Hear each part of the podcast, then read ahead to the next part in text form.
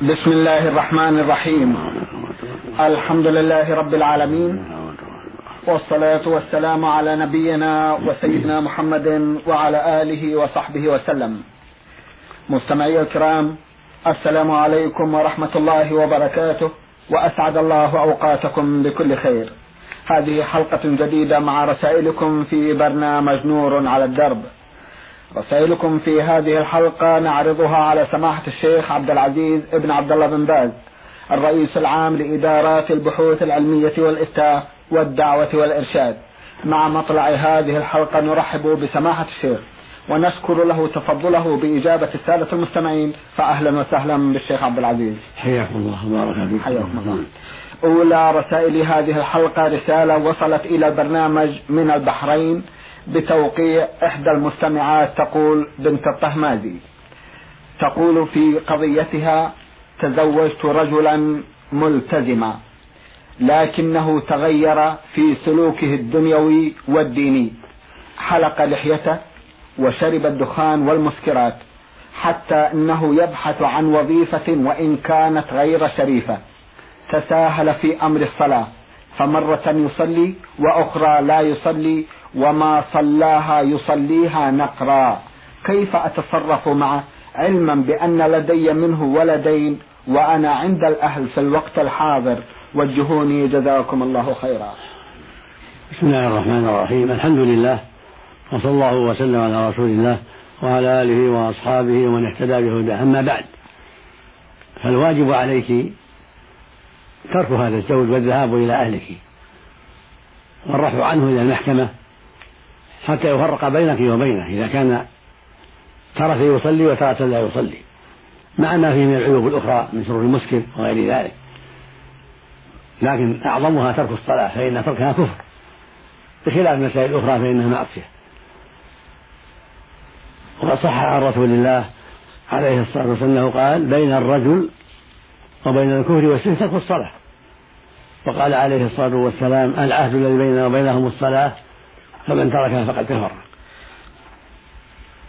فالواجب عليك الذهاب إلى أهلك حتى يسهل الله التوبة أو الفرقة إما أن يتوب وإما أن يطلق. ولا يجوز لك البقاء معه ما دامت حاله ما ذكرت من جهة الصلاة. أما المعاصي الأخرى لو كان يصلي فهي عيب وعذر لك أن تطلب الطلاق. لأنها عيب كبير كون يشرب الخمر. هذا عيب كبير مع حلق اللحية ومع شرب الدخان هذه عيوب.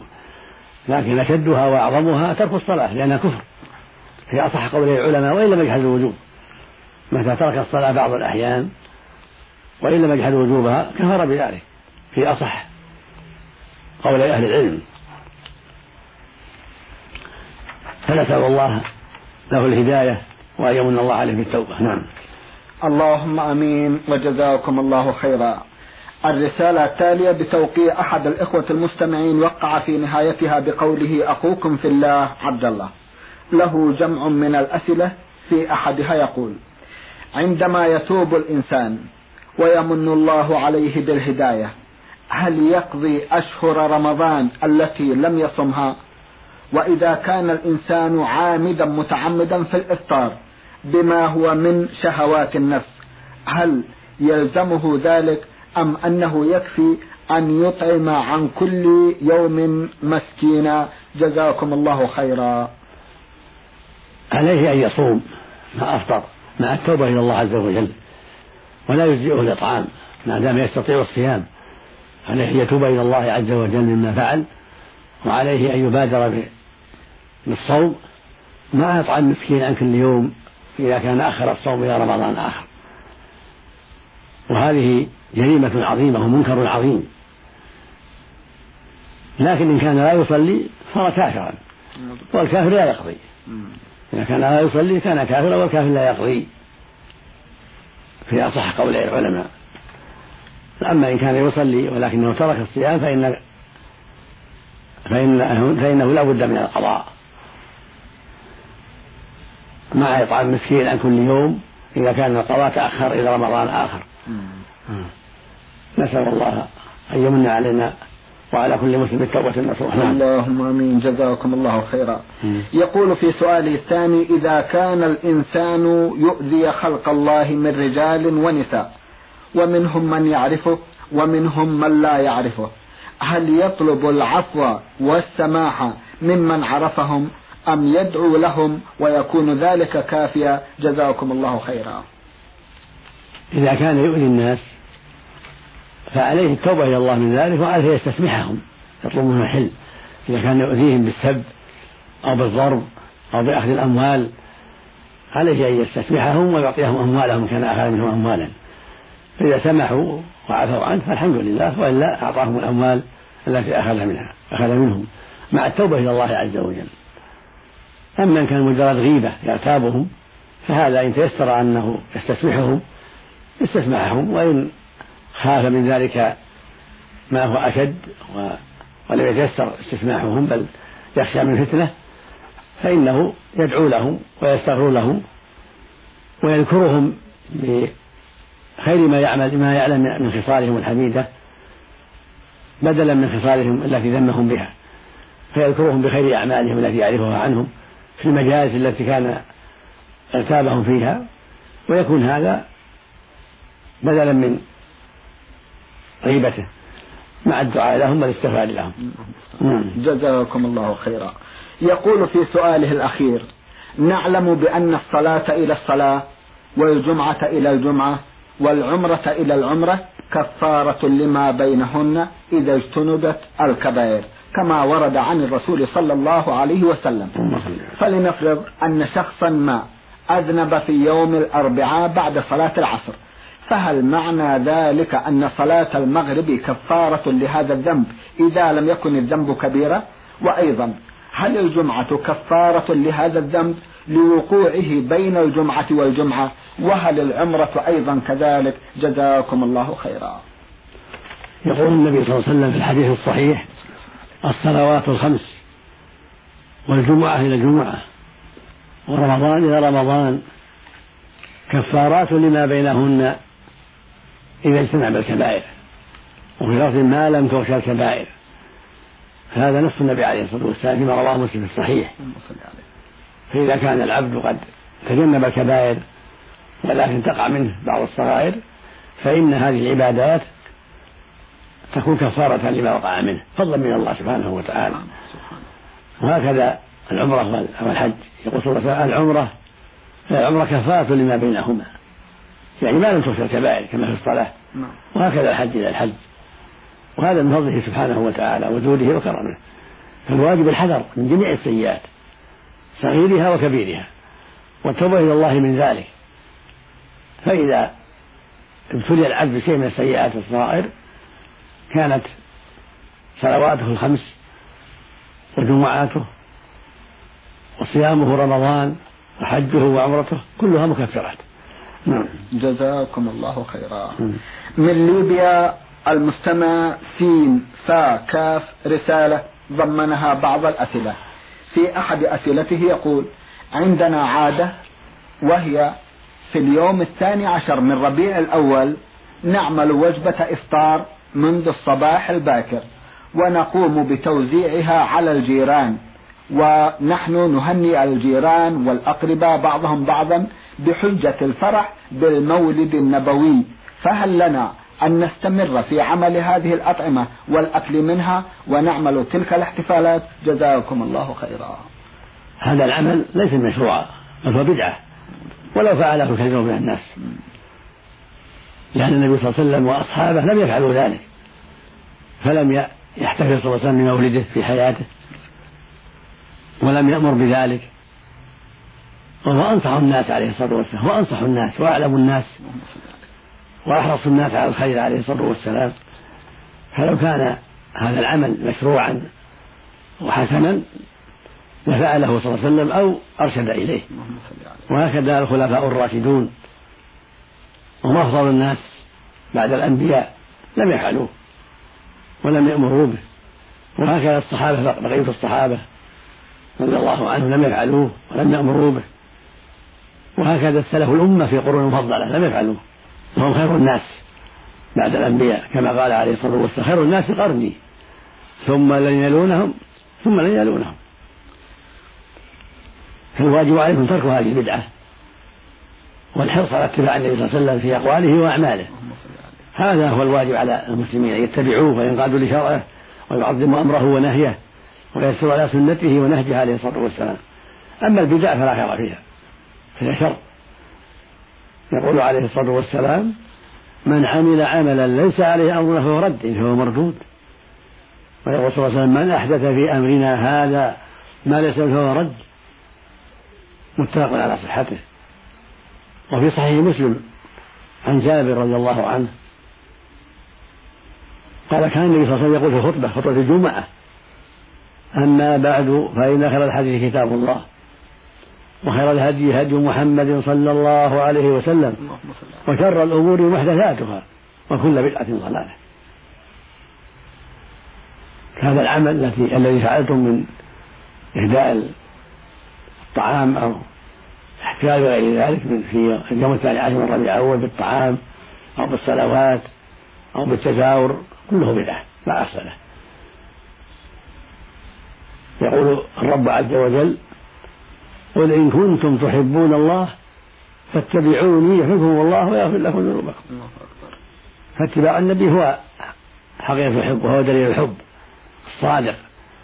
ويقول عليه الصلاة والسلام من رغب عن سنتي فليس مني. فنوصيكم غيركم من إخواننا المسلمين بترك هذه البدعة؟ وهي الاحتفالات بالمولد النبوي أو بغير المولد النبوي بالموالد الأخرى. كلها غير مشروعة. ولكن نوصيكم باتباع الرسول صلى الله عليه وسلم دائما والتفقه في الدين وتعليم الناس السنة والحرص على طاعة الله ورسوله في كل شيء. هذا هو الواجب على جميع المكلفين. أن يخلصوا لله العبادة وأن يعظموه وأن ينقادوا لشرعه وأن يسيروا على نهج نبيه صلى الله عليه وسلم في القول والعمل في جميع الأحوال. قال تعالى في كتابه العظيم وما آتاكم الرسول فخذوه وما نهاكم عنه فانتهوا. وقال عليه الصلاة والسلام في الحديث الصحيح من أطاعني فقد أطاع الله ومن عصاني فقد عصى الله.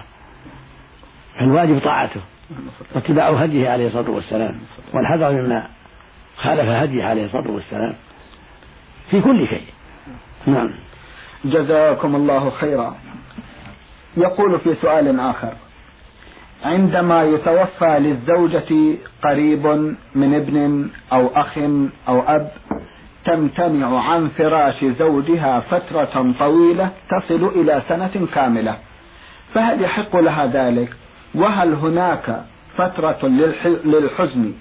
وإذا اتفق الزوج وزوجته على أن يحزن على ابنهما فترة سنة فهل هناك من حرج؟ أفيدونا أفادكم الله. هذا لا يجوز ليس لها أن تعصي زوجها وتهجر فراشه لا يوما ولا أكثر.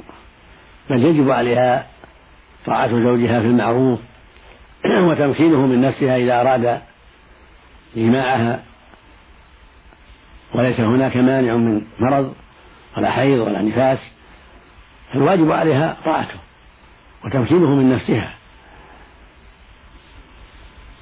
قال تعالى في كتابه العظيم وعاشروهن بالمعروف وقال تعالى ولهن مثل الذي عليهن بالمعروف وللرجال عليهن درجة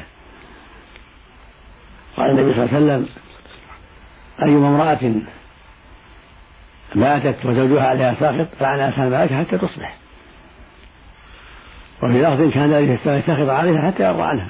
وهذا وعيد عظيم. نعيد هذا الحديث. يقول النبي صلى الله عليه وسلم أيها امرأة باتت وزوجها عليها ساخط لعنتها الملائكة حتى تصبح. وفي لفظ آخر يقول صلى الله عليه وسلم اللهم صل عليه. إذا باتت المرأة وزوجها عليها ساخط كان الذي في السماء ساخطا عليها. يعني الله وملائكته. وهذا وعيد عظيم. فالواجب على المرأة السمع والطاعة لزوجها في المعروف وعدم هجر الفراش ولو مات قريبها أبوها أو ابنها أو خالها أو عمها وليس لها أن تغير من حالها أكثر من ثلاثة أيام.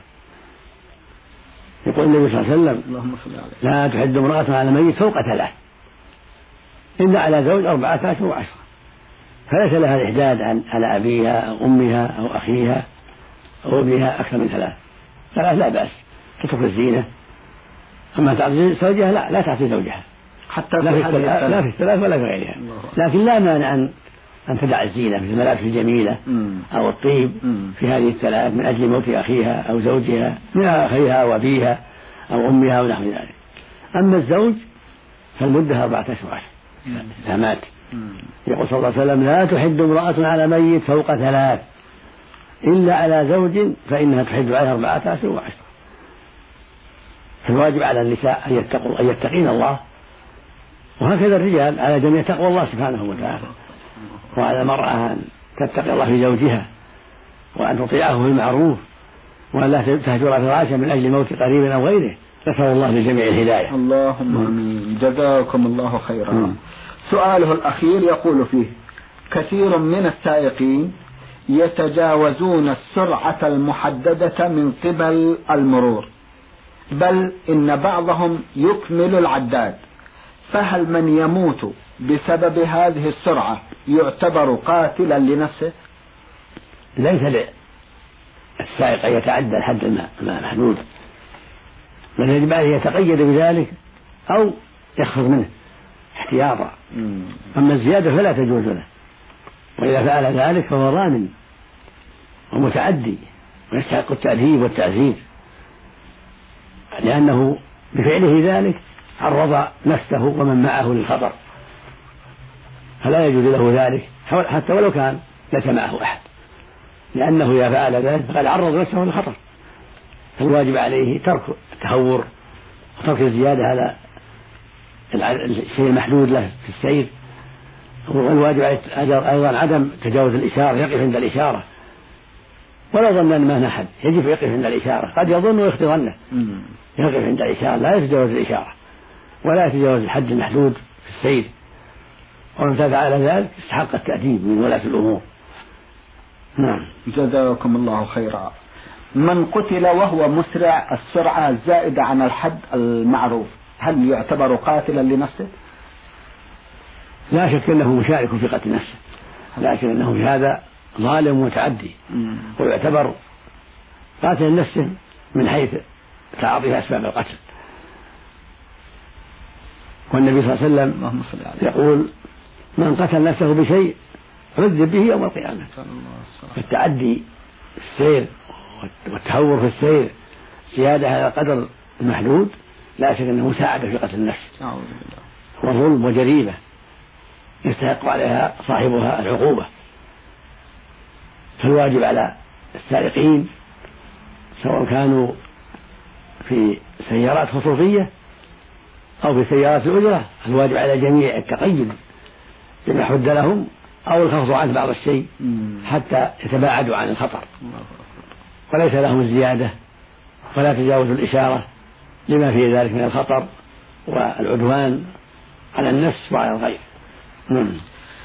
جزاكم الله خيرا ونفع بعلمكم. رسالة وصلت إلى البرنامج من أحد الإخوة المستمعين. يقول نعرفكم بأننا نعمل في الصحراء رعاة للإبل. ونعرفكم بأننا نشك بأننا نشك في طهرنا. لأن بعض الأوقات نتوضأ بلا أحذية أجلكم الله وندوس على فضلات الإبل. وأحيانا نصلي عليها. وسمعنا من بعض الناس أن أي شيء تصل إليه الشمس فهو طاهر. فحدثونا عن الحكم الصحيح. وفقكم الله وجزاكم عنا خيرا. دوس أموال الإبل وأرواث الإبل لا يضر لأن أرواثها طاهرة وبولها طاهر وهكذا الغنم والبقر وبقية مأكول اللحم. فلا يضركم ما يصيب أرجلكم من ذلك. ولا ينبغي لكم الشك بلا دليل. فالأصل الطهارة. فما أصاب الأرجل مما لا تعرفون فالأصل فيه الطهارة. حتى تعلموا النجاسة. فإذا علمتم النجاسة فاغسلوا الرجل. عما أصابها والحمد لله. وعليكم بالحذر من الوسوسة وسوء الظن. أما الشمس فلا تطهر الأرض. بل لابد من صب الماء على البول إذا كان فيها بول صبوا عليه الماء. ثبت عنه صلى الله عليه وسلم أن أعرابيا دخل المسجد مسجد النبي صلى الله عليه وسلم فبال فيه. فأمر النبي صلى الله عليه وسلم يصب على بوله سجل من ماء. ولما هم الصحابة بسجله قال لا تسجموه ثم لما فرغ دعاه وعلمه عليه الصلاة والسلام قال إن هذه المساجد لا يصلح فيها شيء من هذا البول والقدر لأنها بنيت لذكر الله والصلاة وقراءة القرآن فعلمه صلى الله عليه وسلم حتى لا يعود إلى مثل هذا. وأمر الصحابة يخف عنه لئلا ينجس نفسه إذا قاموا عليه لئلا ينجس نفسه أو ينجس بقاعا كثيرا من المسجد حتى حتى يكمل بوله. ثم علمه صلى الله عليه وسلم وأرشده ثم أمر بدلو من ماء يصب على بوله. ولم يقل الشمس تطهره فالحاصل أن البول وغيره من النجاسات لا تكفي الشمس في التطهير بل كان البول يصب عليه الماء وإن كان عذرة غائط أو بعر النجس كبعر الحمير أو البغال ينقل يؤخذ وينقل إلى بعيد عن المسجد وإن كان له رطوبة يصب عليه ماء على محل الرطوبة. نعم. وإن كان يابس ينقل ولا يضر المسجد. أما إن كان رطب بول يعني عجرة خطبة أو روث من ذوات الحرير أو البغال رطب ينقل ويبعد عن المسجد ويصب على محله الرطب شيء من الماء يكاثر به يكون طهرة له. جزاكم الله خيرا. يقول في سؤاله الثاني إذا كان مع الإمام واحد أول الصلاة ثم جاء ثالث وكان يريد إدراك الركعة والإمام راكع. هل يقف على يمين ذلك المأموم أم يجذب المأموم الأول إليه ويبقى في الصف الثاني؟ جزاكم الله خيرا. يركع مع الأول عن يمينه أو عن يمين يسار الإمام حتى لا تفوته الركعة ثم يتأخران جميعا خلف الإمام. إذا جاء والإمام راكع ومعه واحد نعم. فهو مخير. إن شاء صف مع الذي عن يمينه وإن شاء صف عن يسار الإمام لأن لأن يمينه مشغولة. ثم بعد الرفع يتأخر السنة يتأخر خلف الإمام. هذا هو السنة. نعم. جزاكم الله خيرا. المستمع أمجد أحمد مجدي من جمهورية مصر من جمهورية مصر العربية يقول عملي سائق. وفي بعض الأوقات أجمع الصلاتين الظهر والعصر. وهذا لكوني مجبر بذلك لأني أعمل ثمان ساعات أو عشر يوميا فهل يجوز ذلك؟ ليس لك جمع وأنت مقيم بل أن تصلي مع الناس كل صلاة في وقتها. أما إذا كنت مسافر في طريق إلى بلد من البلدان مسافر فلك الجمع مثل غيرك من المسافرين. أما ما دمت في البلد بين بيتك وبين محل العمل فليس لك أن تجمع. فعليك أن تصلي مع الناس وليس لك أن تطيع غيرك في معصية الله. بل صلي مع الناس الظهر في الجماعة والعصر في الجماعة ولا تجمع. وهكذا المغرب والعشاء إذا كان العمل في الليل. صلي مع الناس. نعم. وهكذا أصحابك. مع نجيبك هذه يصلوا في جماعة ولا يجوز لهم أن يصلوا جمعا. نعم. جزاكم الله خيرا. يقول منعني صاحب العمل من أداء صلاة الجمعة لكي أعمل وأواظب على الساعات الثمان. فماذا علي أن أفعل في ترك صلاة الجمعة؟ إن كنت حارسا وقت الجمعة فالحارس محفوظ عنه. أما أن تدع الجمعة لقول صاحبك لا لا يكفي ولا يجوز طاعته في المعروف غير المعصية. إنما الطاعة في المعروف. العمال يصلون الجمعة مع الناس ثم يرجعون للعمل كما يصلوا الأوقات الأخرى الأخرى الخمس. نعم. على العامل والموظف يصلي الصلاة مع الجماعة في وقتها ثم يرجع إلى عمله. إلا إذا كان حارس على شيء إذا خرجوا يحرس لئلا يؤخذ أو لئلا يفسد نعم. فهذا الحارس له عذر. الحارس يصلي في مكان له معذور. الله أكبر. أما إنسان ليس بحارس فالواجب عليه يصلي مع الناس في الجماعة العامل وغير العامل. نعم. نعم. جزاكم الله خيرا. هو كما ذكر في سؤاله الأول سائق سماحة الشيخ. يعني يلزمه يصلي مع الناس. نعم. يلزمه أن يصلي مع الناس. نعم. وعليه أن يناقش صاحب العمل هذا. نعم نعم. يقول النبي صلى الله عليه وسلم إنما الطاعة في المعروف. ويقول صلى الله عليه وسلم لا طاعة للمخلوق في معصية الخالق. نعم. جزاكم الله خيرا. يسأل سماحتكم رأيكم في كتاب الروح لابن القيم. كتاب الروح لابن القيم كتاب عظيم. كتاب عظيم الفائدة. ولكن وقع في بعض التساهل في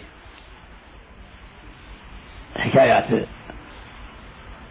المرائي المنامية بعض التساهل في بعض الأحكام ولعله كان من أول كتبه رحمه الله. الله المستعان الله المستعان ومن ذلك ما ذكر من إهداء القرب إهداء القرآن للموتى قراءة القرآن. مم. هذا في نظر.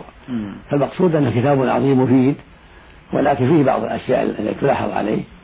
فالواجب أن توزن بالأدلة الشرعية. الله أكبر. الواجب أن توزن بالأدلة الشرعية. والمرائي المنامية لا يعتمد عليها في أحكام الله أكبر. نعم. جزاكم الله خيرا. الرسالة من الأخت أم أروى من شجرة. تقول ما رأيكم في شخص توجه لزيارة أقارب له في مدينة جدة وفي نيته أن يقوم بأداء العمرة إذا أتيحت له الفرصة لأداء العمرة وعندما أتيحت له الفرصة أحرم من جدة فهل ذلك مجزي أم تنصحونه بشيء آخر؟ جزاكم الله خيرا. ليس عليه شيء ما دام نوى هذه النية إن إن أتيحت له فرصة أحرم وإلا فلا ما جزم. يكون بهذا غير جازم. فإذا يسر الله له الإحرام من جدة فلا حرج. أما الذي جزم بالعمرة من بلاده سواء من المدينة أو غيرها هذا عليه يحرم من الميقات. إذا كان خرج من المدينة ناوي من جدة ولكن ناوي العمرة جزم. من المدينة أن يعتمر فهذا يحرم من الميقات ميقات المدينة. ولا يجوز أن يؤجل إلى جدة. فإن أجل وجب عليه الرجوع إلى المدينة ولا يجوز أن يحرم من جدة. فإن أحرم من جدة أثم وعليه دم. وهكذا لو كان في الطائف. خرج إلى جدة ناوي العمرة. يلزمه الرجوع إلى الميقات. فإن أحرم من جدة فعليه دم يذبح مكة للفقراء.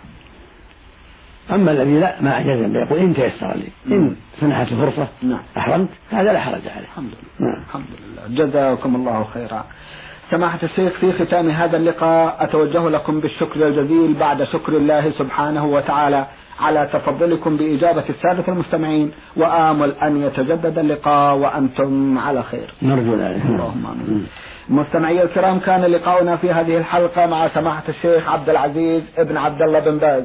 الرئيس العام لإدارات البحوث العلمية والإفتاء والدعوة والإرشاد. شكرا لسماحته. وأنتم يا مستمعي الكرام شكرا لحسن متابعتكم. وإلى الملتقى. وسلام الله عليكم ورحمته وبركاته.